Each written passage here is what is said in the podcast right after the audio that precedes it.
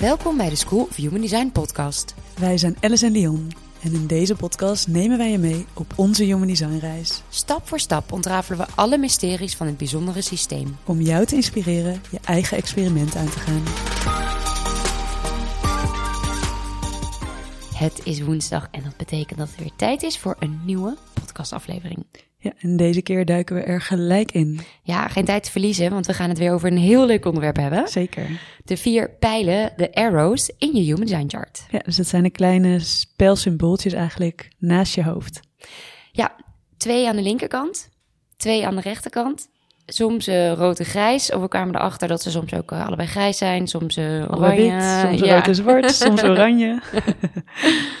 en de pijlen wijzen ofwel naar links ofwel naar rechts. Ja, dat is altijd hetzelfde. Ja. Hoe staan jouw pijlen erbij? Mijn pijlen staan er heel goed bij. Um, ik heb er twee die naar rechts wijzen en twee naar links. Oké. Okay. En jij? Ik heb er drie die naar rechts wijzen en eentje naar links. Ah, oké. Okay. Interessant. Zo meteen wordt natuurlijk helemaal duidelijk wat dat, uh, wat dat betekent. Ja.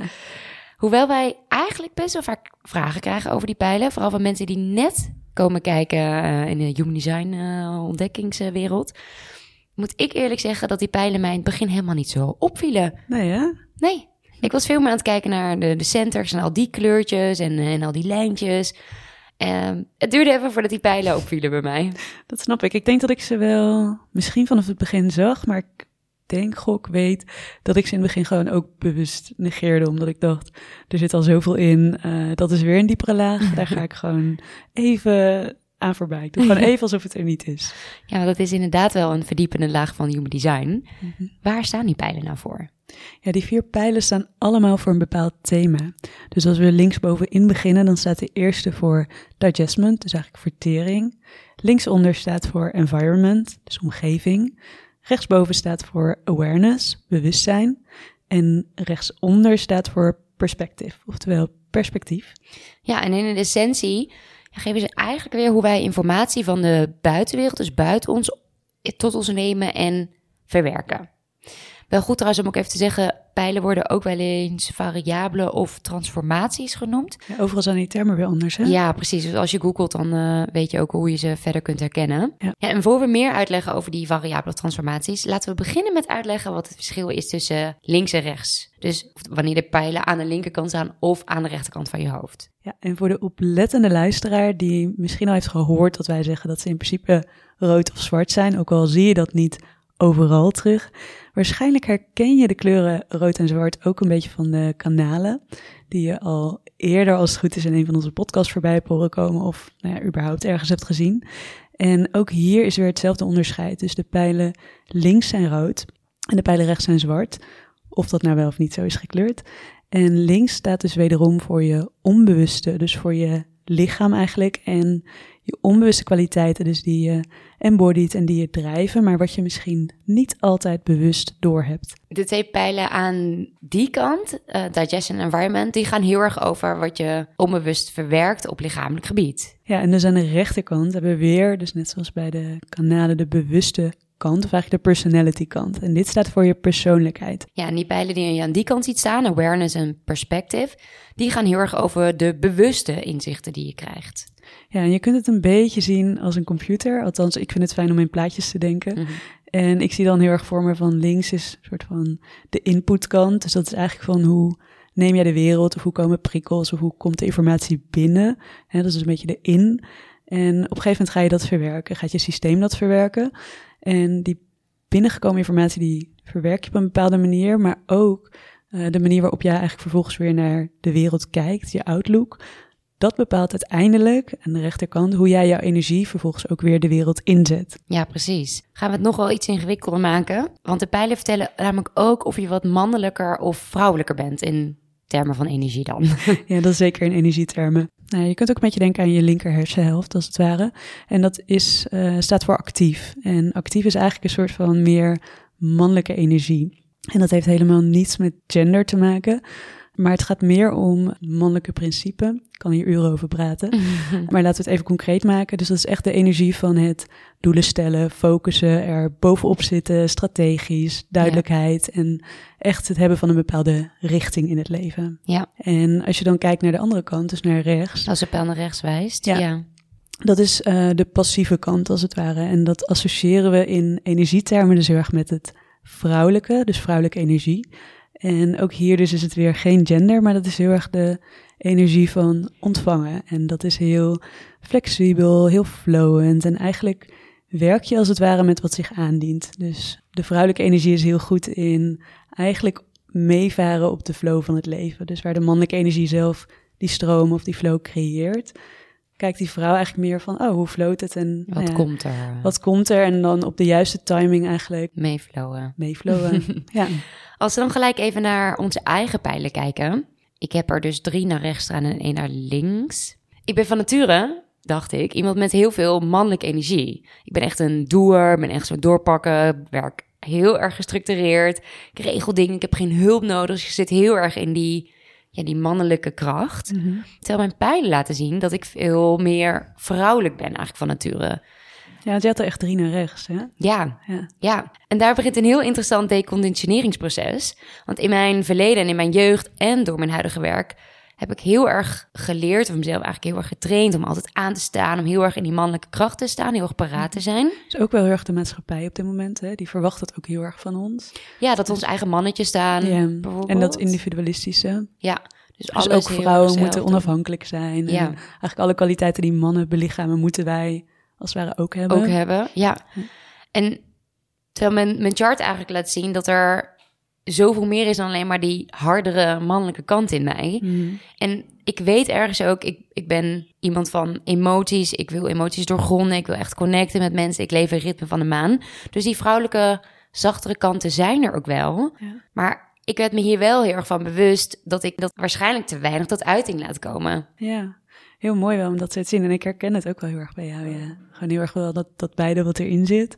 En ook wel het eerst meer mannelijke zien, maar eigenlijk zit daar veel meer dat vrouwelijke onder. Maar dat is inderdaad niet altijd wat je aan de buitenkant ziet. Nee. En hoe voelt dat voor jou de balans? Dat jij twee pijlen naar rechts en twee naar links hebt? Ja, eigenlijk gek genoeg wel. Het is wel heel herkenbaar ook voor mij. Het is heel grappig eigenlijk, omdat ik heel erg met tantra bezig ben geweest. En die hele filosofie draait om mannelijke vrouwelijke energie en die balans daartussen. En ook de beide polariteiten. En ik heb best wel vaak altijd gesprekken met mensen gehad. Van ik heb het gevoel dat ik echt heel erg beide in me heb. En ik kon het alleen, denk ik, niet zo goed plaatsen. Dus in mijn vorige werk, toen eh, deed ik verandermanagement. En het was heel grappig, omdat ik daar echt bedrijven begeleiden om meer datagedreven te werken. Dus dat was heel erg doelen stellen, richting bepalen. Eigenlijk precies die mannelijke energie in bedrijven brengen. Alleen het grappige was, toen ik daarmee gestopt ben, ben ik dus begonnen met energetische massages. En daar was het thema heel erg van, ik ga vrouwen helpen zakken in hun vrouwelijkheid. Dus ik heb altijd wel, voor mij is het best wel een groot thema geweest, denk ik, die mannelijke en vrouwelijke energie. En ik heb altijd wel gevoeld dat ik beide in me had. Ik snapte alleen, denk ik, de verhouding niet zo. Zo van, eerst was ik helemaal het een, toen helemaal het ander. En ik dacht, oh, dat is even een balans die ik moet zoeken. En door die pijlen werd het ineens heel duidelijk. Zo van, Oh, inderdaad. Ik heb dus inderdaad beide en Ja. ook evenveel. En het grappige is dat ik de mannelijke of de pijlen naar links, zeg maar, die zitten bij mijn mind. Dus toen ik hiervoor veel meer op mijn mind werkte, toen zat ik heel erg in die mannelijke energie. Maar nu, nu ik wat meer gezakt ben in mijn lichaam, dan in één keer komen al die vrouwelijke kwaliteiten Ja. ineens naar boven.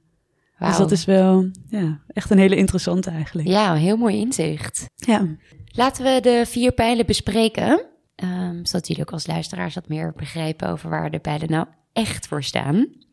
De bovenste linkse pijl, digestion, gaat heel erg over de manier waarop je de wereld verteert. Dus hoe je informatie, ook voedsel overigens, hoe je dat eh, tot je neemt. Ja, dus eigenlijk doe je dat op een regelmatige en consistente manier, dus links. Of doe je dat meer op een spontane manier, rechts. Ja, en hier komt een heel mooi verschil eh, naar voren tussen ons eigenlijk. Want hoewel we beide als manifest en een manifest generator niet echt op zoek zijn naar ritme en regelmaat, of niet, laten we dat zeggen, Nee. Ehm, werk en denk ik toch wel op een consistente manier. Ja. Ik zoek toch ergens een soort van structuur. Ehm, dus ik ga best wel goed op bijvoorbeeld een ochtend- of avondritueel. Mhm. Duidelijke werkblokken of duidelijke ontspanblokken. Ik kan wel achter zolang maar niet iemand anders mij vertelt hoe ik die eh, structuur moet aanbrengen. Nee. Want 9 tot 5 banen werken voor mij absoluut niet. Mhm. Ik word gewoon letterlijk ziek. Mijn hele systeem raakt dan overprikkeld. Ja. Dus ik dacht altijd, ik ga echt niet goed op ritme en structuur. Ja, dat hoor ik veel, ook bij readings. Ja, dat veel mensen dit, eh dit Dat hebben. herkennen. Ja. ja. Die niet van ritme houden, maar dan als je langer doorgaat Ja. en door gaat praten en inderdaad ook wat meer naar die gelaagdheid daarin kijkt, dat het dan toch wel voedend is voor je systeem. Hè? want op het moment dat ik dus ben gaan besluiten om zelf te kiezen waar ik welke structuur ga aanbieden, Ja. ja, ben ik zoveel rustiger geworden. Hmm. En eh, stroomt het in de dag veel meer. Ik loop niet zo tegen bepaalde, bepaalde grenzen aan. Ja. Ehm, dus iets wat ik eigenlijk eerst niet wilde omarmen. Ja, aldoende heb ik nu geleerd dat dat dus toch heel goed voor mij werkt. Ja, en zo, werk je, zo kan je systeem ook alle prikkels goed verwerken. Ja, En het is grappig, want we hadden het er net ook over dat we hebben bepaald van we gaan vanmiddag opnemen. En voor jou is dat dan heel natuurlijk om dat dan ook te doen. En voor mij is dat dus eigenlijk een beetje, of andersom. Maar ik kan het van tevoren wel bedenken, maar ik vind het dan toch moeilijk om, als ik op dat moment niet inderdaad die urge voel van ik ga het nu doen, ja. vind ik het toch moeilijk om dat te doen. Alleen maar omdat we die structuur ooit bepaald hebben of zo. om daar dan echt op aan te gaan. Ja, ja, want jouw pijl zat ook de andere kant op. Ja, dus ik ga eigenlijk veel beter op afwisseling en flexibiliteit. Ik ben stiekem een beetje wars van routine. dat zei ik altijd al. Dus alles wat met routine te maken heeft of ritme vind ik best wel ingewikkeld. En ik voel ook wel dat ik inderdaad het beste ga als ik gewoon echt mijn eigen agenda kan indelen. En bijvoorbeeld een ochtendritueel, dat heb ik wel, omdat ik vind dat het belangrijk is ook om wat meer in mijn lichaam te zakken. Alleen voor mij is het elke keer weer anders. Dus de ene keer doe ik een meditatie, de andere keer is het yoga.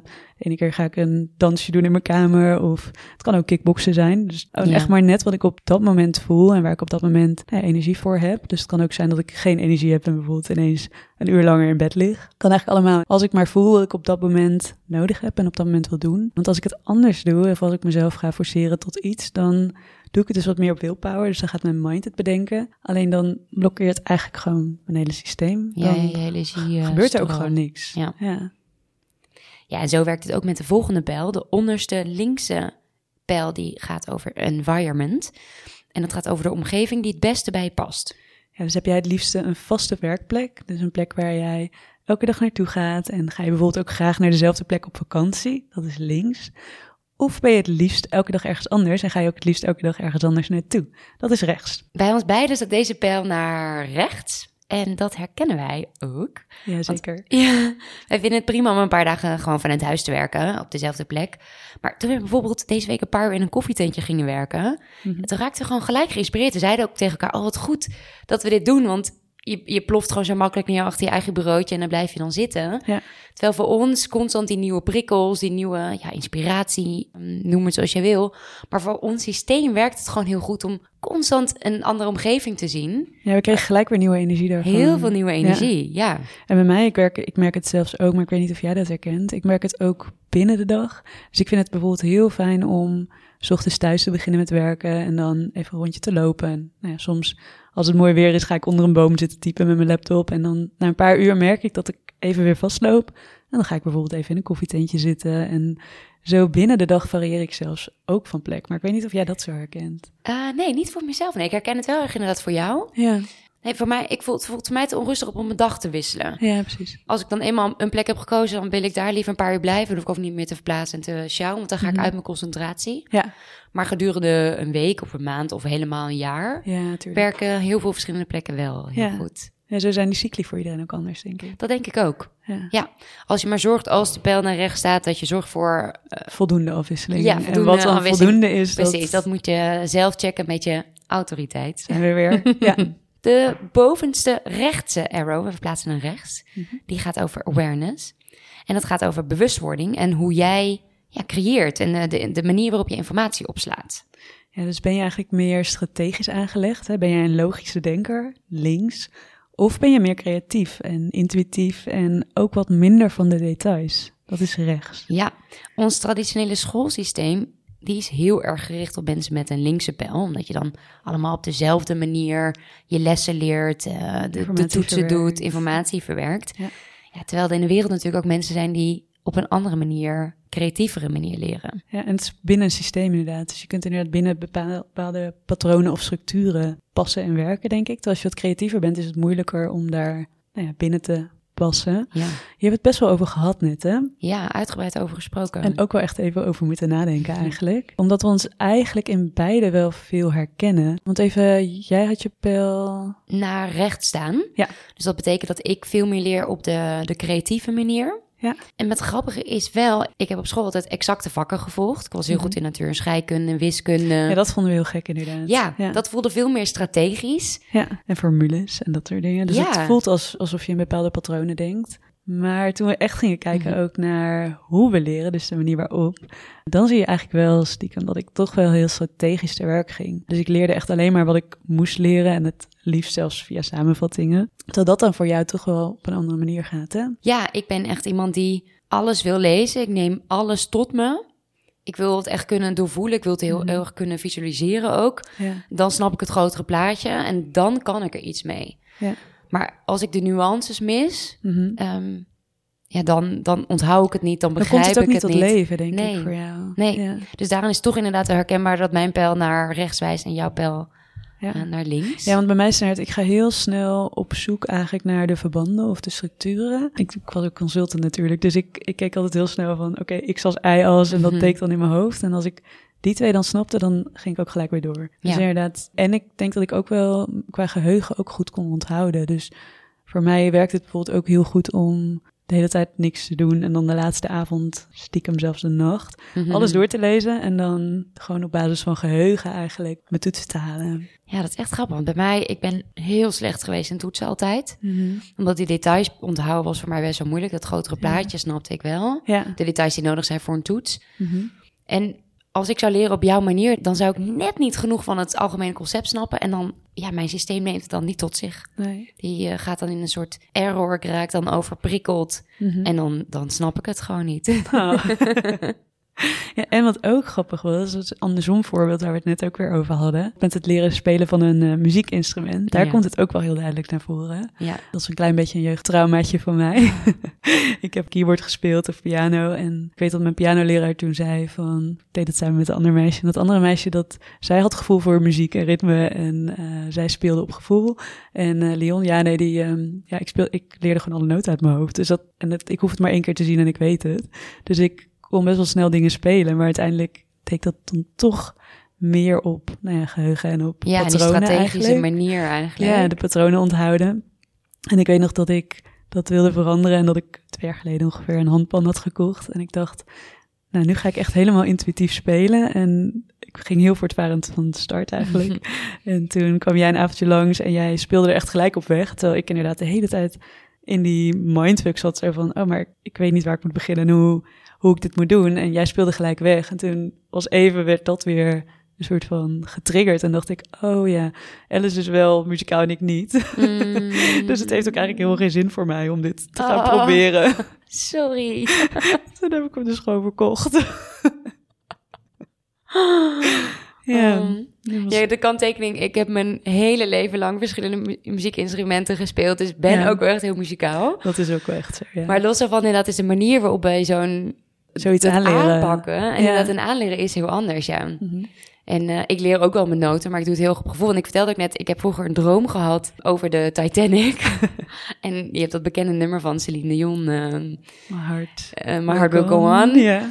En in mijn droom speelde ik dat op de fluit of op een dwarsfluit. En ik werd ochtends wakker en ik pakte de fluit en ik kon Mhm. meteen dat nummer spelen. Ja, wauw. Ja, omdat dat, die manier van flow en die manier van intuïtief en creatief dingen doen, Ja. daar hoef ik niet alle noten te weten, maar ja, ik moet het echt aanleren, dat soort Ja. dingen. Daardoor had ik wel, ik haalde wel altijd tienen voor alle woordjes die je moest stampen en dat soort oh ja, dingen. precies. Ja, dat had ik dan weer niet. Nee, toch? Elk voordeel heeft zijn nadeel, Ja, toch? zeker.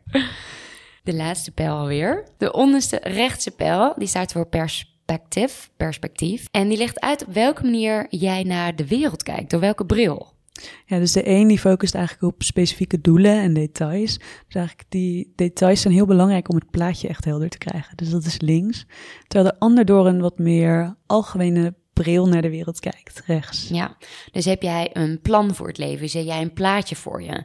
Of vind jij het fijn om het plan helemaal los te laten om wel te zien wat er dan gaat komen? Toen mijn business coach een tijdje geleden vroeg of ik wilde gaan nadenken over waar ik zou staan over 20 jaar. Nou, toen kreeg ik dus echt volledige error. ik had het gevoel dat ik de opdracht moest doen. Ja. Terwijl ik ook dacht, hè, maar ik denk helemaal niet zo. Zo kijk ik niet naar de wereld. En dat heeft bij mij ook wel een proces in gang gezet. Dat ik dacht, oké, wat is deze weerstand?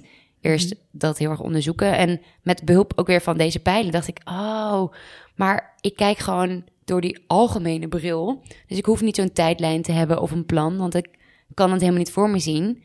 Ook al vertrouw ik wel heel erg dat het allemaal goed gaat komen. Ja. Ik bewandel wel een bepaald pad, maar ik, ja, op korte termijn wil ik heus wel nadenken over, wil ik heus wel doelen stellen. En ik werk best wel gestructureerd. Maar echt die, die detailbril, dus echt over de lange termijn nadenken over wat ik wil. Ja, mijn pijl uh, vertelt me wel dat dat niet gewoon zo. niet voor mij werkt. Ja. Daar zijn jouw pijlen niet op gericht. ik vind het dus ook een hele lastige. Ik herken echt heel erg dat mijn mind dus zo werkt. En jouw pijl wijst namelijk de andere kant op. Ja, die werkt naar links. Ja. Ja. Dus als ik heel specifiek ben in wat ik wil, dan komt het eigenlijk ook precies op die manier op mijn pad. Maar ik moet zeggen dat ik eigenlijk juist de laatste jaren heel erg mijn best heb gedaan om dat los te laten. Eh, om het dus juist wat meer naar me toe te laten komen en nou ja, het leven op me af te laten komen. En ik voel nu ook heel erg dat ik in een fase zit waarin ik dus ook vooral wil voelen en wat minder vanuit ja, die willpower eigenlijk wil gaan werken, maar meer dat de dingen echt naar me toe komen die echt in alignment zijn. En toch werk ik dan wel weer strategisch naar een soort van, oh ja, ik weet dat ik nu dit moet doen, want dit is weer de volgende stap in mijn evolutie bijna. Ja. Eh, en daarin zit best wel een plan. En ik merk ook wel dat ik stiekem ook wel of onrustig word, maar ik moet wel weten wat mijn richting is of waar ik naartoe werk. Ja. Dus ik kan niet, dat is grappig, had ik het deze week ook over, want wij zijn nu in Mexico en ik merk inderdaad dat ik het heel moeilijk vind om gewoon hier te zijn. En ik voelde al voordat we gingen, dit is gewoon even een andere plek, maar ik hoef hier niet, weet je, normaal ging ik op reis met het idee van, dat gaat me dit brengen, of ik ga deze lessen leren, of ik ga dit doen. En dat hoef ik nu dus helemaal niet. En dat voelt dan soms stiekem toch een beetje onwennig. En ik weet dat dat juist is wat ik nu mag toelaten. En dat is ook helemaal goed. Eh, maar ik voel wel dat die houvast dan toch iets is waar ik dan onbewust af en toe... Toch wel in mijn mind daar naar op toe, naartoe wil gaan. Wat ik echt even moet parkeren of, of opzij moet zetten soms. Ja. En, eh, Ja, dat dat is heel logisch, want de energie in je lichaam werkt inderdaad wel zo. Die zoekt stiekem een beetje daar naar die houvast of Ja. naar ergens een stip op die horizon waar die eh, naartoe kon stromen. Ja, en het grappige is dat ik tegelijkertijd dus ook voel dat mijn systeem best wel gewoon even rust nodig heeft nu. Dus ik Ja, geen wil ook grootse inderdaad doelen, niet geen- even grote nee. dingen. Ik wil gewoon even genieten van wat er nu is en zijn in het moment. Ja, Maar het grappige is dus wel dat ik onbewust dus merk van... Ja. Dan is er toch weer iets van, oh, en huh, maar wat dan? Ben je dan nu gewoon alleen maar in het moment? Moet je dan niet een, een plan hebben of een doel hebben? En dan Ja. dat stemmetje negeer ik nu omdat ik weet van, nou, het is even niet voor nu Ja. en dat is helemaal oké. Maar inderdaad, die natuurlijke drive gaat wel een beetje die kant op. kijk, en, en zo werken de pijlen ook gewoon. Je kan ze in je voordeel inzetten. Door dus heel bewust te zijn van waar ze voor staan en, en daarna te handelen. Maar je mag inderdaad soms ook even een stapje terug doen en ervoor kiezen om dingen heel even te laten. Ja, en dat is natuurlijk ook hoe- precies hoe human design werkt. En hoe we het ook de hele tijd leren van... je voelt vanuit je lichaam wanneer het moment is... of wanneer die urge is of wanneer het tijd is om te gaan. En je hoofd gebruik je vervolgens om het, nou ja, om het te behalen of om het in te zetten. En nu zegt mijn lichaam eigenlijk van, nou, eh, nu even niet. Waardoor er ook niet zoveel energie stroomt, dus in het bedenken van die specifieke plannen. Ja. Helemaal als manifester zit het bedenken zit zo aan het manifesteren. Dus ik ben soms ook wel een beetje bang, zo van, oh, maar als ik nu specifieke dingen ga bedenken, komen ze dan ook gelijk of zo? Ja, Dat wil ik eigenlijk nu gewoon even niet. Ik denk, laat me maar gewoon even met rust. Wel mooi om meteen even aan te haken op het woordje manifesteren wat je net zei. Want deze pijlen die laten ook zien op welke manier jij het beste kunt manifesteren. Daarover gaan we binnenkort, ik denk eh, niet de volgende, maar die podcast daarna, Ja. ehm, een aflevering eh, opnemen. Ja, dat, dat is inderdaad een heel leuk thema. Daar gaan we inderdaad heel snel de diepte in. Eh, maar even kort wat we wel vast kunnen vertellen eigenlijk. Ja, toch? dus staat jouw pijl naar links, dan werkt het dus heel goed voor jou om dus echt gedetailleerd, heel specifiek te zijn in wat je wil manifesteren. Ja, En als jouw pijl naar rechts gaat, ja, dan kun je dus eigenlijk veel beter focussen op het gevoel. Of eigenlijk, nou ja, wat wil je uiteindelijk dat het je oplevert? Dus welk gevoel hoort erbij? Of, ja. nou ja. veel minder detail, veel minder specifiek. Het hoeft maar niet op het specifiek. totaal wat je Ja. wil. eh, ja. ja, en zo geven de pijlen echt een stukje inzicht in hoe jouw systeem werkt. Ehm, eigenlijk wat voedend is voor je zenuwstelsel en wat het nodig heeft om niet overbelast te raken. Ja, want ik denk inderdaad dat het heel erg helpt om te leren van wat heeft jouw systeem of je zenuwstelsel eigenlijk nodig om echt in balans te blijven en nou ja, in balans en harmonie te zijn eigenlijk met de omgeving. En als je zenuwstelsel ook rustig is, dan is er ook voldoende ruimte en veiligheid eigenlijk uh, vanuit waar die creatie eigenlijk vanzelf stroomt en vanuit waar je jouw energie dus op de beste en ook meest bevorderlijke manier voor je, voor je hele systeem eigenlijk de wereld in kunt zetten. Ja, precies. Ja. En daarmee zijn we tot het eind gekomen van deze podcastaflevering. Ja, en nog een korte quote aan het einde. Life is an arrow, therefore you must know how to use the bow. Then draw it up to the head and let it go. Prachtige afsluiting. Leuk dat je luisterde. Dankjewel voor het luisteren. En tot de volgende keer. Doei. Doei.